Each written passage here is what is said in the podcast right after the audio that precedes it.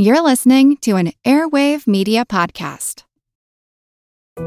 We all know how important it is to keep your eye on the money, and not just your own. Stay on top of the latest financial and market news with Yahoo Finance, a podcast that releases new episodes almost every day. You'll hear a brief overview of the biggest news in the financial world, all in three minutes or less, right after markets close. Check out Yahoo Finance wherever you get your podcasts. That's Yahoo Finance wherever you get your podcasts.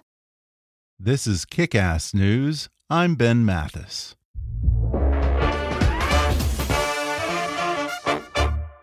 Human Rights Watch is an independent, nonprofit organization known for their accurate fact finding, impartial reporting, and targeted advocacy. In partnership with local activists and human rights groups, they expose the truth in order to defend the rights of all and bring those responsible to justice. They rely on the support of informed, dedicated people, so visit hrw.org/kick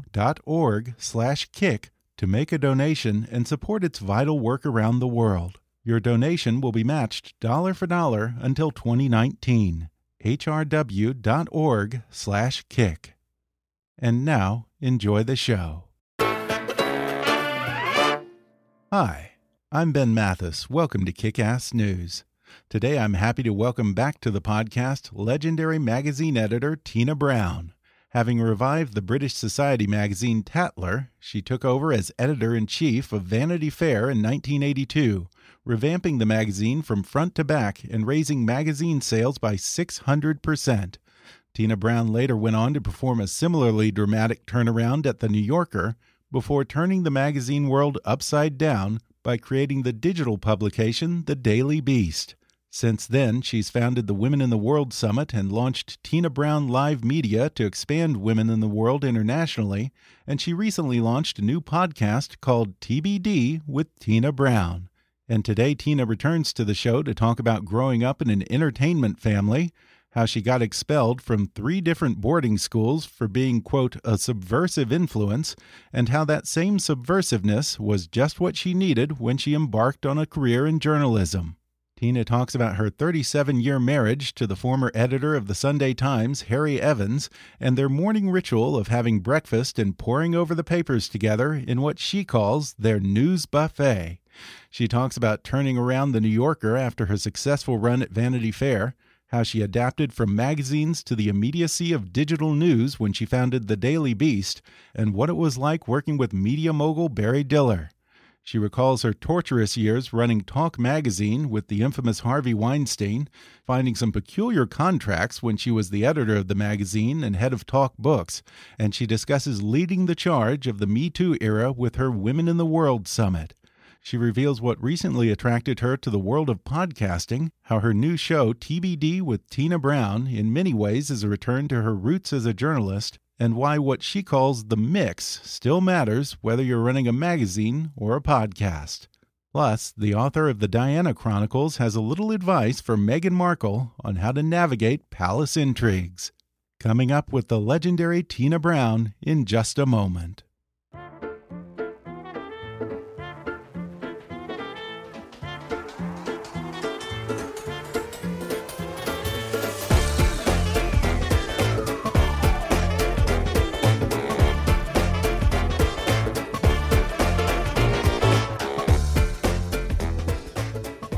Tina Brown has served as editor of Tatler, Vanity Fair, and The New Yorker between 1979 and 2001 before taking magazines online when she founded The Daily Beast in 2008. In 2010, she founded the Women in the World Summit and launched Tina Brown Live Media to expand women in the world internationally. Now she's launched a new podcast called TBD with Tina Brown. Tina, welcome back to the show. Thank you so much. It's wonderful to be here. Last time we spoke, we talked a lot about your time at Vanity Fair and your terrific book about those years, the Vanity Fair Diaries.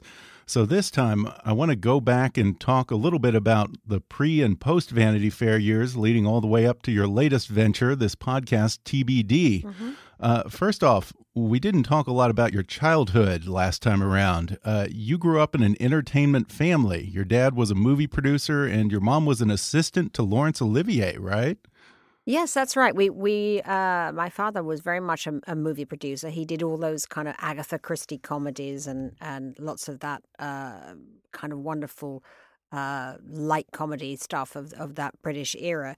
But he was always looking for material, which really made stories the kind of center of our lives growing up. You know, we um, everything for my dad was like a story, a story. Would it make a film? Would it make a film? And I'm sure that that kind of fed into my uh, viewing everything I do really as a kind of quest for great stories in magazines or a fabulous piece of commentary or a guest I can book. It's it's kind of runs in the genes.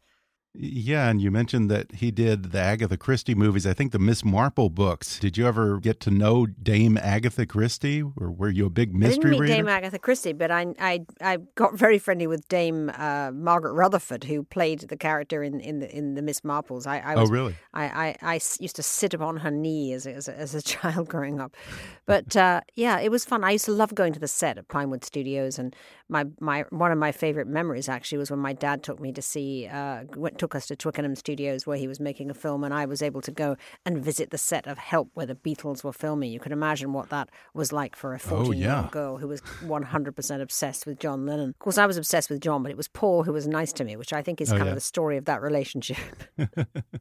now, I mentioned that your mom was an assistant to Laurence Olivier. Did you ever get to meet him? Uh, yes, I did. I mean, uh, yeah, she she worked on um, Henry V, and you know when he was making those Shakespeare films, and when he was, you know, having his deep love affair with with Vivien Leigh. So all of these people used to swirl around Pinewood Studios when I when I used to go and um, and meet in Twickenham and Elstree, the studios in, in England. So it was a, it was a fun growing up because it, you know there was always actors, producers, writers running through our house. You know there was always a new the, the latest James Bond. You know, kind of lying under the Christmas tree trying to like recover from an alcoholic stupor. But it was a pretty. My my parents were great at giving parties. The wrap parties of my parents were kind of legendary when they would just have everybody around and it would be a great carouse. I can only imagine. Now you've described yourself as a subversive influence in your youth, uh, so much so that you were expelled from three different different boarding schools. Uh, what did you do to get in so much trouble?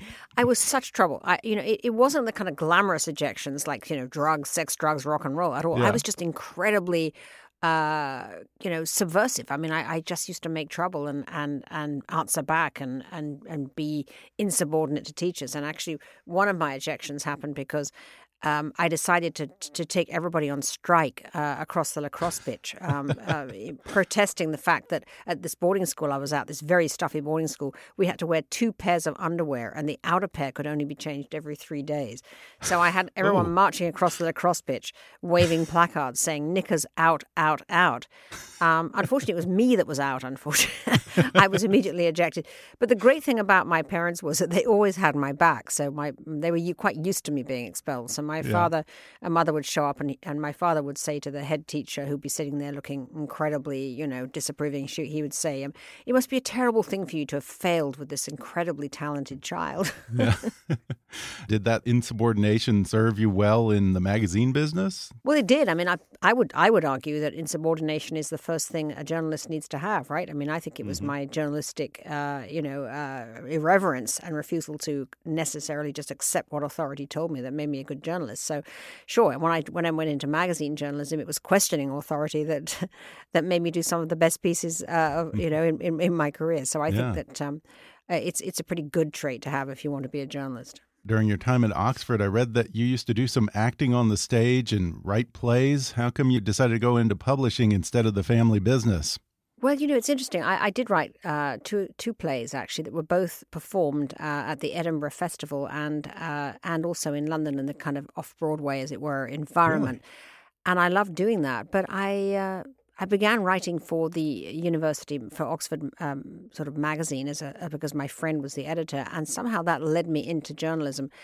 And I, get, I guess it was an easier way to make a living. You know, I, I, had always thought that I might be a playwright and be in the theatre, but really it was journalism that took off for me immediately. My, my pieces were noticed quite early on and uh, got me published in, in magazines, uh, you know, and newspapers. So it, it, set me on that course pretty young. I mean, by the age of 24, I was already an established columnist and uh, writer for the Sunday Times. Yeah, and it wasn't much longer after that that you met your husband and legendary publisher Harry That's Evans. Right. That's right. As soon as I uh, he, he was the editor in chief of, of the Sunday Times newspaper, Right. a famous sort of crusading editor. We we met and fell in love, and as soon as that happened, I left because I didn't want to be, or rather, he insisted I leave, and, and I absolutely happy to do so because I didn't want to be there with him as the kind of. Uh, and actually, that's really what set me into editing because I thought, well, if I can't write for the Sunday Times because I'm involved with Harry, then I really want to have my own publication. And I started thinking about becoming an editor, and then I was offered the Tatler at the age of 25, which was an amazing Yeah. sort of break in those days, but it happened, and um, uh, you know everything took off from that. You said it was love at first sight with him. Uh, what did you see in Harry way back then? Oh my God, it was certainly love at first sight. Uh, I I had been writing for the Sunday Times, and he liked what he'd read, and so he asked if he could meet me to see, you know, if I could have any, what other role I could do. And typically of Harry, he kept me waiting, you know, for sort of 25, 30 minutes. Time was ticking by, and I feared suddenly that I wasn't going to get to see him. And I looked through the door, and there he was laying out the front page. It was just so glamorous. There he was, you know, in his kind of suspenders and shirt sleeves and blue pencil, literally sort of, you know, surrounded by his news editors, laying out some major front page splash. And I kind of surged through the door and kind of like presented myself. And he looked at me and he said, Don't bother me now, love. And he turned away from me and left me standing there. And I thought, Woo, you know, zingers my heart with those blue eyes.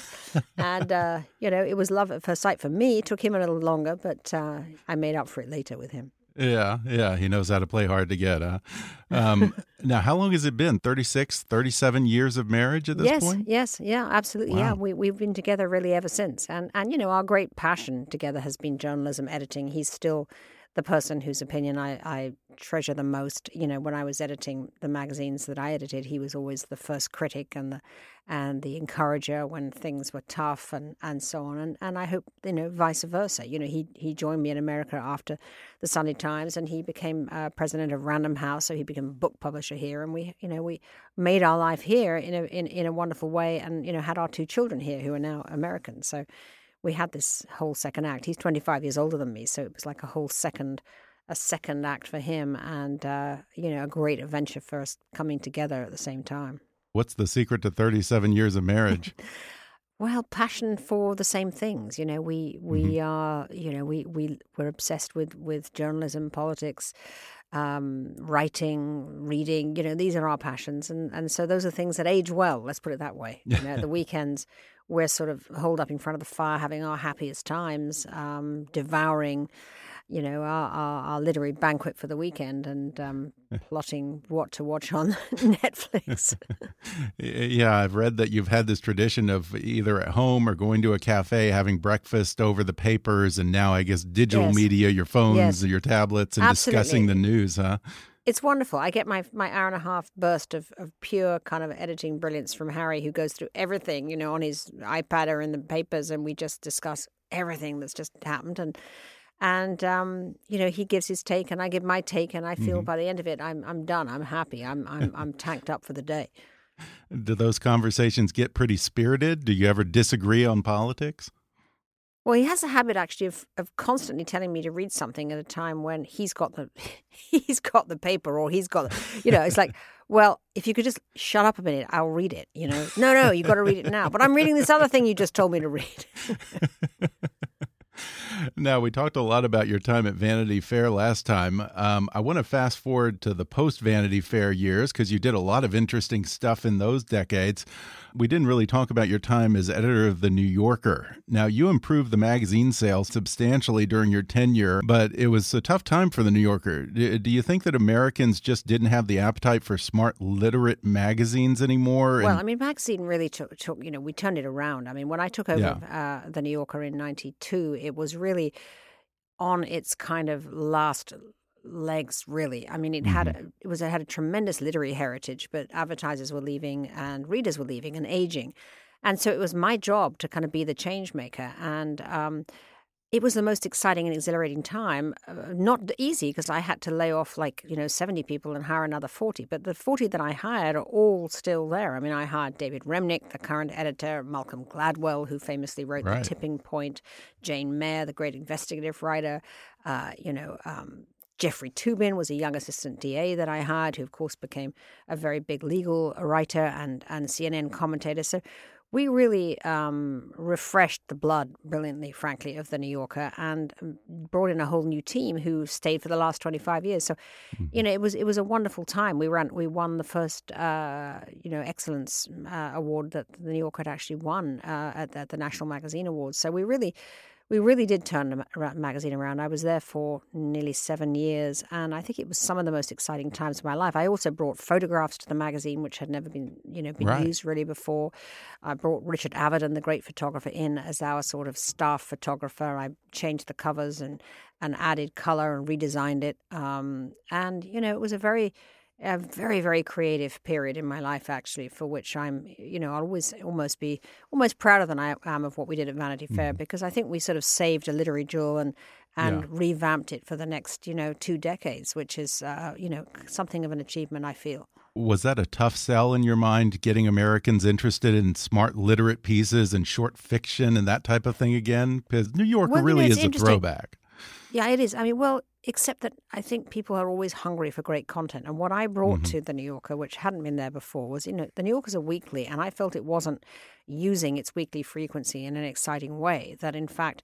The magazine should have two rhythms going on. Yes, it should have fiction. Yes, it should have long, leisurely, you know, interesting, um, textured pieces. But I also brought um, a journalistic gene back into it so that the front of the magazine would always have something that you had to read. You know, I always I felt the New Yorker should be competitive with what else was happening in the culture, and so Jeffrey Toobin, for instance, um, did a most extraordinary job kind of following and creating and making the news on the O.J. Simpson story, which, you know, right. he brought so much kind of legal know how and contacts to. He broke a tremendous amount of news in that. I had Jim Stewart to be a great business writer so that we, you know, we were following all the great business stories and making a lot of news so that we were able to combine the kind of the literary history and the, the wonderful writers like John Updike and Janet Malcolm and so on, but with the the newsy journalists uh, who I brought in, who um, you know added that that additional uh, uh sort of. Uh, Seymour Hersh, for instance, the great investigative journalist I brought to the New Yorker, all of these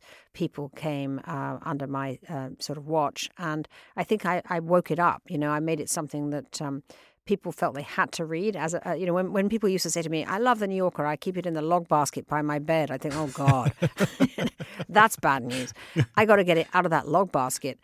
Uh, you know, into your hands so that when you're jumping, uh, you know, uh, in, into a cab or on the subway, you know, you're mm-hmm. taking it with you and reading it there and that's what I think we did achieve. Uh, yeah, you definitely made the New Yorker relevant again. And after the New Yorker, I want to say that's when you took two years off to write the Diana Chronicles about Princess Diana. Is that right?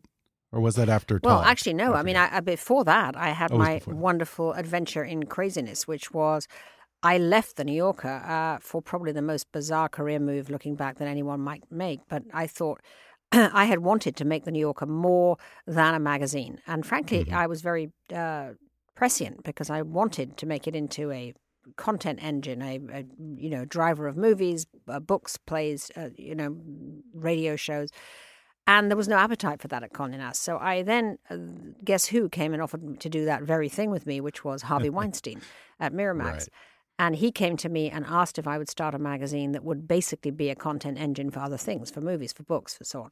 So I did. I left uh, the New Yorker and went to work with Harvey uh, for to create Talk magazine, um, which you know actually was one of the best magazines I've done. I mean, it had some fantastic stuff in it, but it was such an insane two years because you know working with Harvey was not at all uh, you know anything like what I thought it was going to be. You know, he he was he never sexually harassed me, but it was just such an anarchic environment. Uh, he, you know, he, he, he was such a, a volatile um, uh, you know, intemperate kind of guy to work for that it was very destabilizing. And then in the middle of it all, 9 11 happened and the bottom fell out of the advertising market. And Harvey, of course, had no patience or the budget really for that. You know, he wasn't going to wait that out. So he closed the yeah. magazine. Uh, which was a very kind of tough time. I mean, I'd found the most amazingly talented people who all went on to do great stuff. I mean, they all went to populate the New York Times, New Yorker, all of these places but um, uh, you know it folded. So I was left um, very kind of uh, uh, you know wrecked by that experience. You know, I was very very distraught about it. And after a while, I decided I wanted to go back to really what uh, was my own DNA always, which was writing. And uh, I did my book, two years doing my biography of of the Di- of Princess Diana, the Diana Chronicles, which became a, a, number one bestseller. So it was a very good move on my part, and also a very kind of regenerating thing to do because to mm-hmm. to just be immersed in my book, to go back to the uh, time in the eighties when I had been at Tatler in London and sort of retrace the early life of Diana, who'd been so much a part of my early editing career when I was at Tatler it was a, a really kind of uh, it was hard to do but i interviewed about 300 people uh, some of whom would give me just the smallest bit of information that i could then really use but i, I did get her circle and, and all the royal circle to talk to me in ways they hadn't before so it was a really um, wonderful book to do and at the end of it i felt kind of regenerated and ready to go and start the daily beast with barry diller who invited me to do that so right. um, you know, he wanted me to do a new online site. And um, I didn't think I wanted to do that. I said, I'm a print gal. It's not what I do. He said, Well, come and give it a go. And if you don't want to do it, you know, fine, start something. Look, let's look at it. And if you don't want to continue, I understand. And as soon as I got working on it, um, I realized that online journalism was the most incredible uh, thing for me. You know, it, it, it, was something that was commensurate to my impatience. You know, I'm mm-hmm. I'm so impatient. I, I love news. I want to see the stories done. I want to see them out. And here was this this thing, this online uh, thing, which could, um, you know, I could I could immediately respond to the news, immediately assign a piece, and see it up and see it getting traction. And I found it really exciting. And I called it the Daily Beast after a famous novel uh, written by the great English satirist Evelyn Waugh, Scoop, which is about Fleet Street journalism. And in it, the kind of uh, satirical newspaper, uh, you know, that he writes about is called The Daily Beast. So I've always wanted to call something The Daily Beast. It sounded kind of feral and, and edgy and, out of con- slightly out of control, which I think is a great thing for a news publication. And uh, I called it The Daily Beast, and it really took off pretty much immediately. It was an enormous fun, that, that whole project having been a print publisher up to then, was that digital learning curve pretty steep, or what was that like? No, it really wasn't. It was instantaneous. I, I really? realized uh, because what I loved doing was, I mean, in those days I had a BlackBerry, and I would sit in my diner in the morning with Harry, and I would read like 20 stories, and I would start firing off um, instantly like email commissions all over the place to Washington, New York, LA, you know, like, do, why don't you do a piece about this? Why don't you do a piece about that? And I have such a big Rolodex, frankly, having, you know, edited so many magazines and mixed with writers and editors for so long. I do have, I do kind of know who should be doing what story and if they're going to get it, you know, do it fast and if they can do it well. So I would, I would, I would sort of fire off all these emails all over town and get back this great stuff and up it would go and by you know a few hours later there it was. And i, I remember the first time that we had a big traffic hit was just before um, the obama uh, election of obama uh, in 2008 and uh, christopher buckley the from the great buckley republican family um, decided to use, I mean, he was a friend, and, and so I got him writing straight away. And he decided to write a piece for the Daily Beast saying that he was switching to Obama from um, the Republican side. And it made enormous news. And it was a big deal when he did that, you know, and it just went everywhere. It, it went absolutely viral. And that was kind of the launch of the Beast. I mean, once that piece went up, you know, the beast was born really, because then people began to think, what is this thing, the Daily Beast, you know, and they began to to take pay attention to it. And um, we made a trip. We we managed to spend like six weeks before the election. We went up. I think the site uh, started in October 2008. We had like five weeks to make to make our bones, you know, before the election and get that last heat. And we did, you know, and by the time the election was over, we were a kind of wonderfully new, young, established shop for uh, political news and, and uh, opinion and, and arts, culture, everything. We're going to take a quick break, and then I'll be back with more with Tina Brown when we come back in just a minute.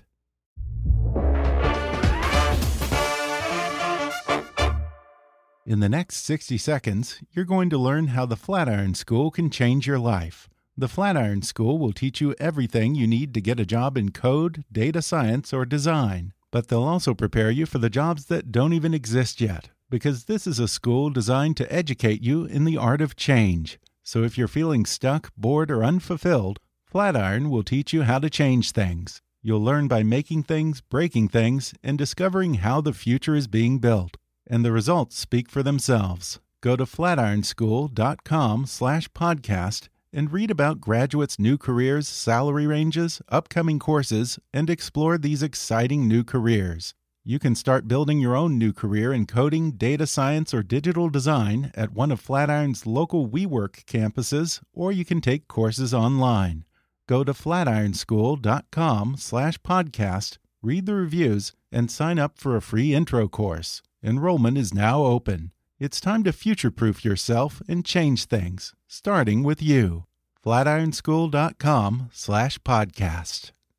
When you need an extra burst of energy but don't have time to wait in line, grab Espresso Monster. Espresso Monster is a premium blend of smooth espresso and cream, packaged in an 8.4 ounce can. It's just the right size and perfect for when you're on the go. Each can has three shots of espresso blended with European milk, just the way the Italians do. At 150 to 160 milligrams of caffeine per can, it's sure to give you the energy you need to conquer the day. Espresso Monster has two delicious flavors to choose from espresso and cream and vanilla espresso. Produced in Denmark and the Netherlands, Espresso Monster is made with freshly brewed espresso coffee, hormone free milk, and a unique energy blend that's complete with taurine and B vitamins. Whenever I'm having a tough time getting started in the morning or dragging a little bit after lunch, Espresso Monster gives me just the shot in the arm I need to power through my day. And I like their vanilla espresso so much that sometimes I just drink it for the taste of it. Not to mention, it's a lot faster and easier than waiting in line at a coffee place. So close your eyes, take a sip, and enjoy Espresso Monster today.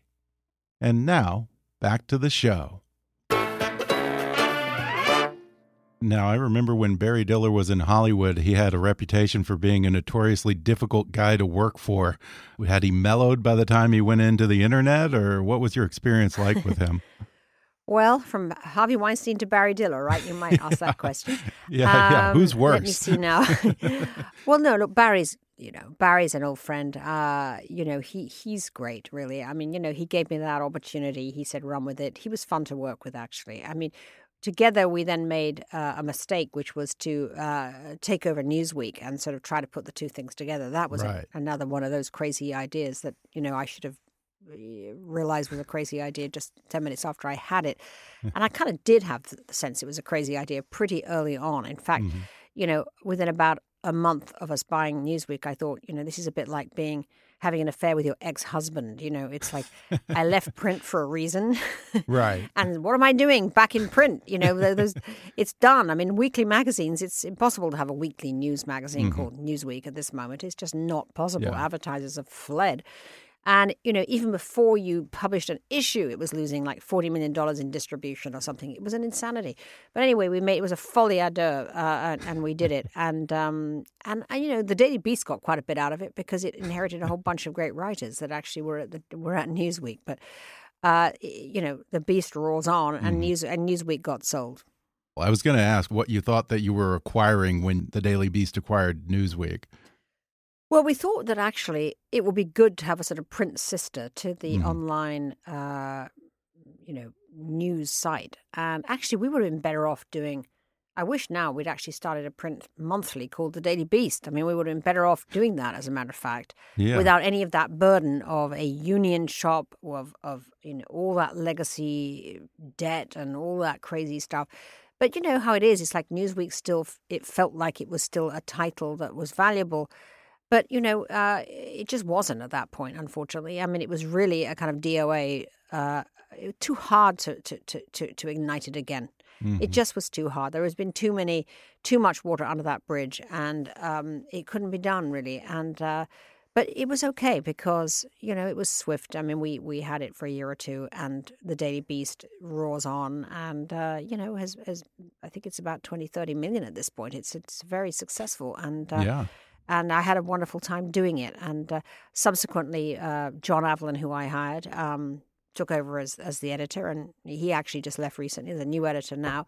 It's wonderful. I went to the 10th anniversary party uh, the other day, and it was so fun to see three generation of beasties.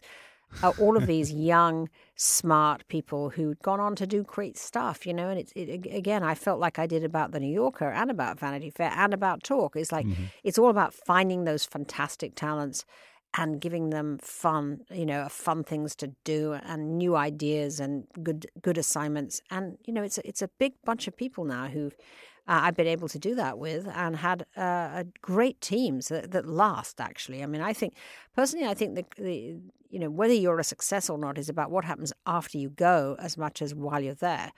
And if when you go the whole thing collapses, it means you didn't hire good people, you know, who were the great team. But I, you know, I'm proud to say that both Vanity Fair, all of them, New Yorker, all of them, um, you know, they went on. The Daily Beast, they've gone on to be very strong uh, animals, you know, and I love that about them. Yeah, you were ahead of your time. I want to go back to Harvey Weinstein. Uh, we talked a little bit about him last time. And after our interview, I read that you said that when you founded Talk Books, the spin off of yours and Weinstein's magazine Talk, you kept finding these strange open-ended book contracts with attractive unknown actresses. Do you think that was his way of buying the silence of his victims? Um, I'm not sure it was actresses, but it was it was various people that we didn't kind of know what they were doing there who mm -hmm. were mm-hmm. female. Uh, I think, you know, I, I, I, he probably didn't see it in those terms, or perhaps mm -hmm. that he did. I don't know. I definitely think there was always a double agenda, pretty much for everything that that Harvey did. And afterwards, I realized that you know one of his one of the th- reasons he wanted to do Talk Magazine was actually that he felt that it would give him power in media to stop people writing anything negative about him or write ah, positively about him. Yeah. I mean, he definitely saw owning media as a means to suppressing media he didn't like about himself. There's no doubt about mm. that. Mm-hmm. And frequently he would assign uh, gossip columnists around town who had been on his case. And the next thing is I would get a call saying, well, Harvey, you know, this is so and so from the New York Post, and Harvey told me to call you because he, he said that you really want to make a, you know, do a contract with me and all the rest. And of course, I didn't. And I was stuck with this situation. And it was really about Harvey's sort of wanting to buy them off, yes, I suppose, in his own way. And speaking of Harvey and the whole Me Too movement, more recently you founded the Women in the World Summit in 2010. What was your goal with Women in the World? Well, I founded Women in the World uh, as a as a kind of uh, platform, a vehicle uh, for women to have a voice uh, who didn't have voices, uh, you know, who weren't allowed or sort of were not, there was no interest in them having voices. I, I, I, I kept meeting during the course of my journalistic life or as part of, uh, you know, my interest in uh, an NGO called Vital Voices, which uh, mentors women in emerging countries. I kept meeting these extraordinary powerful voiced women heroes really who were doing the most remarkable things you know in pakistan and africa and uh, the Middle East. I mean, women who were, you know, facing down uh, honor killings or arranged marriages or uh, lack of access to any education or uh, simply, you know, cultural re- repressions, and were just kind of winning nonetheless. You know, who were finding ways to to to, to get out of these situations to or to overcome these adversities, and they were so interesting. I thought, well, it'd be great to to put them on stage and have a develop, uh, you know, a conference, a summit that that allowed them, you know, to become the stars of the show, and at the same time have women who were well known, better known, because people would buy tickets, obviously, to see them. So I, I love doing live events. I'm good at it. Uh, I guess it's my sort of producing gene that you know, producing and editing are very similar. I'd started out you know, with plays, as we mentioned, and my dad and all the rest. So I think that producing live events also comes to me as a kind of slightly uh, second nature. I mean, I love, I love you know, creating stage events. And so we started Women in the World with about 300 people in a small Manhattan theater. And it took off like a bucking bronco, like straight away. And by year three, um, we would move to Lincoln Center in Manhattan, you know, the biggest kind of most, one of the most prestigious arts venues in the world, really. And we have 2,500 people, you know, over three day, over three, every three, over the course of three days. We've, we've really had every sort of prominent. Mm global woman. And I mean, what our formula is, which the reason I think it's so powerful is it's not a kind of talk shop. It's really uh, narratives. You know, we find people with extraordinary stories. I mean, like the last year we had a most remarkable woman who, uh, for instance, was a, uh, a, an Australian sea captain. You know, who who rescues migrants from the from the Mediterranean. You know, um, wow. an amazing uh, Syrian uh, doctor who operated you know, in, in while bombs were falling in Aleppo in Syria, but who was just this wonderful firebrand, marvelous looking, you know, powerful speaker, and you know, so we find we spend a year. I have a, I have a fantastic team again of um, editors, journalists, producers who who find who sort of scour the stories that are out there and curate this, these the best ones and and you know fact check them and and interview the one them and and eliminate all but the strongest ones. And then we, we put them on the stage and we do amazingly powerful video. We do, and then we, we combine them with, you know, women like, you know, you might go from the sea captain to, you know, Scarlett Johansson or mm-hmm or um, you know Nicole Kidman, or you know we obviously we combine we have movie stars who are have something to say, uh, and um, members of you know we've had Hillary's been every year actually for since you know since we began, except for one year when she was she was running. We've had Oprah, we've had uh, uh, you know we've we've had we've had every every interesting woman and continue to do so. The next next next year, incredibly, is our April is our tenth anniversary of Women in the World and we're already you know wow. finding the most remarkable stories um, that uh, will kind of eh, show where we've got to and and you know since the post me too moment it's like women are surging in politics in science business etc but there's still just so much to do as we saw when uh, you know there's the, the, the judiciary committee in the Senate, you know, in the the Republican Senate, uh,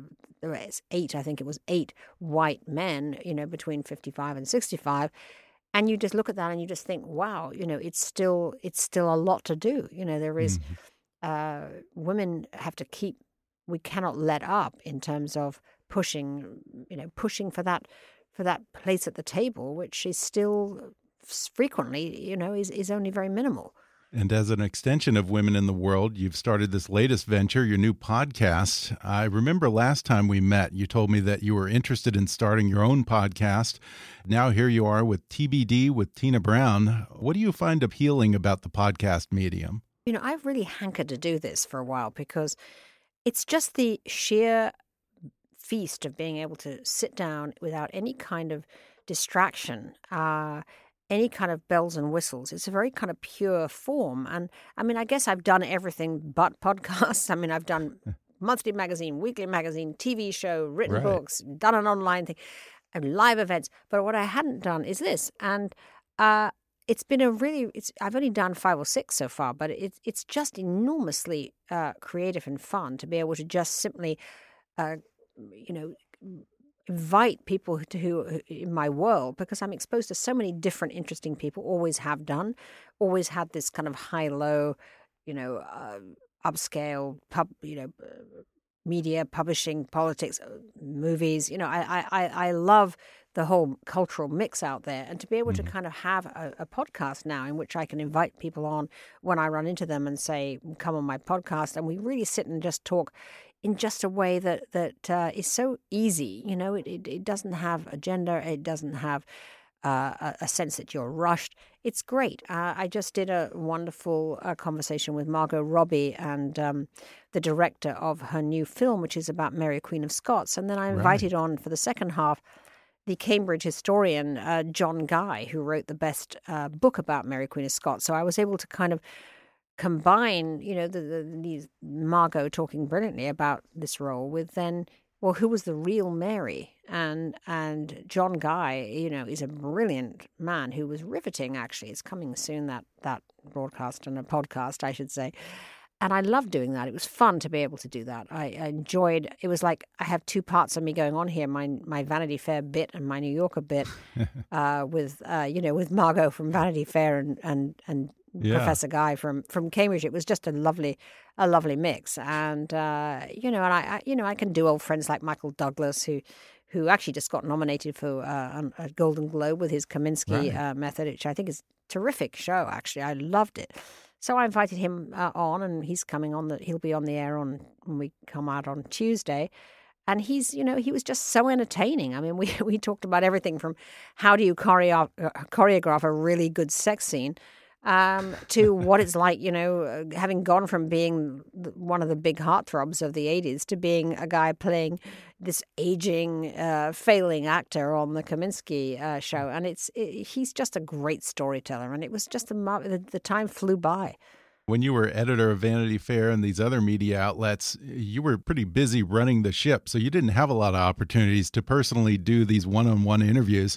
In some sense, is what you're doing with Women in the World and with the new podcast an opportunity for you to get back to your journalistic roots?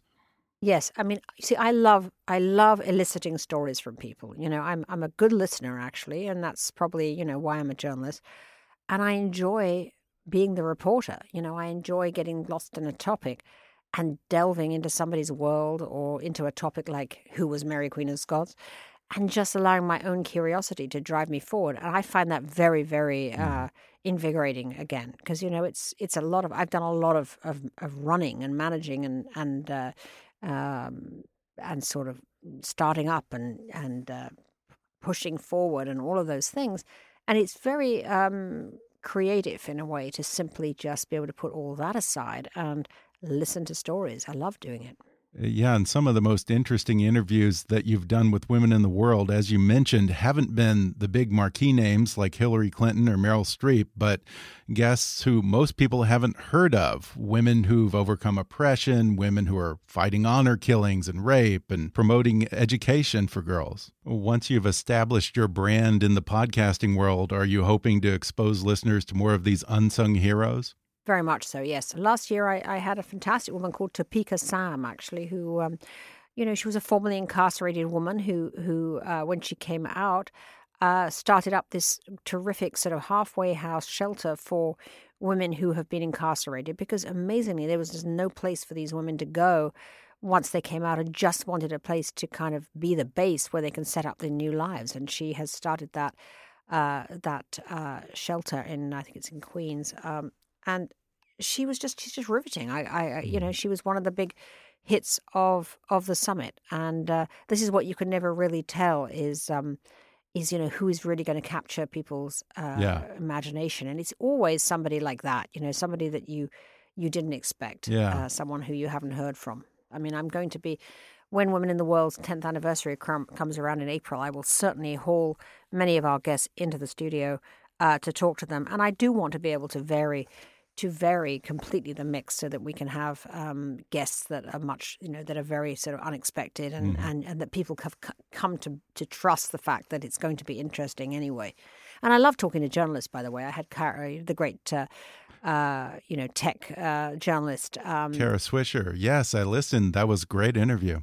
Yeah, yeah, she's she's so interesting, and I love talking to her. I can talk to journalists all night. That's like the old assigning editor in me. You know, I love to uh, to listen to, to, to, to, journalists telling me what their latest story is. And Kara is one of the great um, newsy noisemakers right now, and she's uh, someone I respect hugely. She was very interesting indeed. Last time we talked about Vanity Fair and how important the mix of the magazine was, and I keep hearing that word over and over again today from you.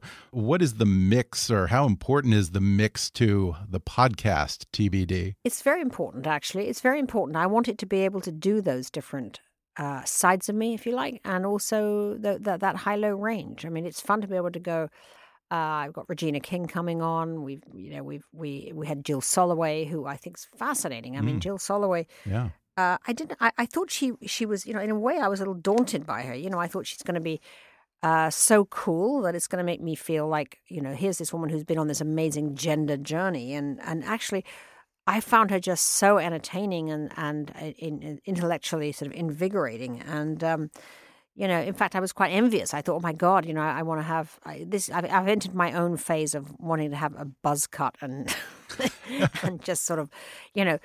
To, to hell with all of that femininity stuff. I, I'm I'm done with it myself. So uh, it was actually very kind of um, uh, you know, sort of liberating in a sense to to talk to Jill. And um, you know, she also was very candid about moving forward with um, Transparent, her show, without the leading man, Jeffrey, leading man. He plays yeah. uh, the, her transgender father, Maura, uh, and uh, moving forward without Jeffrey Tambor, because, of course, he's now been accused of sexual harassment. And what a sort of traumatic thing it was, really, for the show and for her. And, you know, she, she was very candid. She said that um, Tambor had what she called the wind of patriarchy at his back which meant that he felt that he could abuse his power on the set, mm. which she said, you know, wasn't acceptable anymore. And she said, if she was casting it now, she probably wouldn't cast um, a, a, a, straight man. I mean, she would have cast, uh, you know, a, a, transgender person. Now, speaking of gender in the workplace, what kind of advice do you give to women going into the workplace today? You do need to be tough. I mean, I, I, I don't think that, even though things are changing for the better, that women have it easy at all. I mean, I think there's definitely uh, more uh, more rigorous judgment of women than there is of men. I think you have to be gold in a silver job. Whatever you are, you have to be better, and uh, that's still true. I think one thing I've noticed is that when women fail, they have far less second chances than than men have. You know, men men take care of each other when when things go wrong. They they hire each other. They invest in each other. They uh, talk each other up. They get each other gigs. Yeah. For some reason, it's much less easy if you're a woman. There isn't quite that same network waiting for you, despite the fact I think there's a lot of effort right now to make those networks happen finally. Yeah, and I also read recently that you had specifically some advice for Meghan Markle based on what you knew about Diana and having written about her. do you think they're facing similar problems, and what would you advise her to do? I do. I mean, one of the problems that she's going to face, and probably is facing already, is what the palace used to call with Diana the quote, the upstage problem. Ah. now, the upstage problem was about the fact that Diana, you know, outshone Prince Charles, outshone everybody in the royal family. Mm. I mean, it's, you can't really outshine the Queen, but she didn't like, even the Queen didn't like to go and open Parliament and find that all the coverage the next day was about Diana's new hairdo. so with Meghan Markle, I think she has to be very careful not to outshine Kate, uh, Prince William's wife, because Kate is going to be queen at some point, and Kate is having to slightly dampen herself down be a little duchessy these days because you know she's she's got much less freedom than than Meghan has to be herself because she right. is destined to be queen. And I, but I think that you know that Kate has been used to being in the spotlight, and Kate has been used to a great deal of adulation. And I think, you know, Meghan doesn't want to necessarily upstage Kate. That wouldn't be terribly smart. And yet, controlling that is also difficult because you, you know, the press have gone mad over Meghan. There's a, her story is much more interesting than Kate's. You know, she's a biracial outside the family, came from entertainment world, older. The whole the whole package is is way more tantalizing to the press than the more conventional story of, of Kate. So I think that's that's that's a hazard. Um, I think that uh, Prince Harry is is you know the most uh, uh, probably the most popular member of the royal family after the Queen and he's you know the, the two of them are, are kind of rock stars but the more yeah. kids kate and william have the less relevant they really are so actually yeah. although they're getting a t- tremendous amount of attention they're fairly minor in the royal pecking order all of those mm. things bring tension i think and um, it's interesting. Smart advice from a woman who's seen it all. Well, once again, I want to plug your podcast. It's called TBD with Tina Brown. I've listened and it's fantastic. Uh, where can folks subscribe? iTunes, Apple Podcasts, the usual. Apple, Apple, Apple Podcasts, and okay. everywhere that uh, podcasts are found. Excellent. Well, definitely go check it out and subscribe. Tina Brown, thanks so much for talking with me. It was a pleasure as always. Thank you. Fun being here. Thanks again to Tina Brown for joining me on the podcast. Be sure to subscribe to her podcast, TBD with Tina Brown, on Apple Podcasts, Google Play, or wherever you like to listen. Learn more about her Women in the World Summit at womenintheworld.com and follow her on Twitter at, at Tina Brown LM. When you need energy on the go and don't have time to wait in line, grab Espresso Monster. I had one today and it gave me just the shot in the arm I needed. Plus, it tastes so good, I'd drink it anyway. That's because Espresso Monster is a premium blend of espresso and cream made with freshly brewed espresso coffee, hormone free milk, and a unique energy blend complete with taurine and B vitamins. Each can has three shots of espresso and comes in vanilla espresso or espresso and cream flavors. Close your eyes, take a sip, and enjoy Espresso Monster today. If you haven't already, be sure to subscribe to Kickass News on iTunes and leave us a review. You can follow us on Facebook or on Twitter at, at KickassNewsPod. And as always, I welcome your comments, questions, and ideas at comments at kickassnews.com. I'm Ben Mathis, and thanks for listening to Kickass News.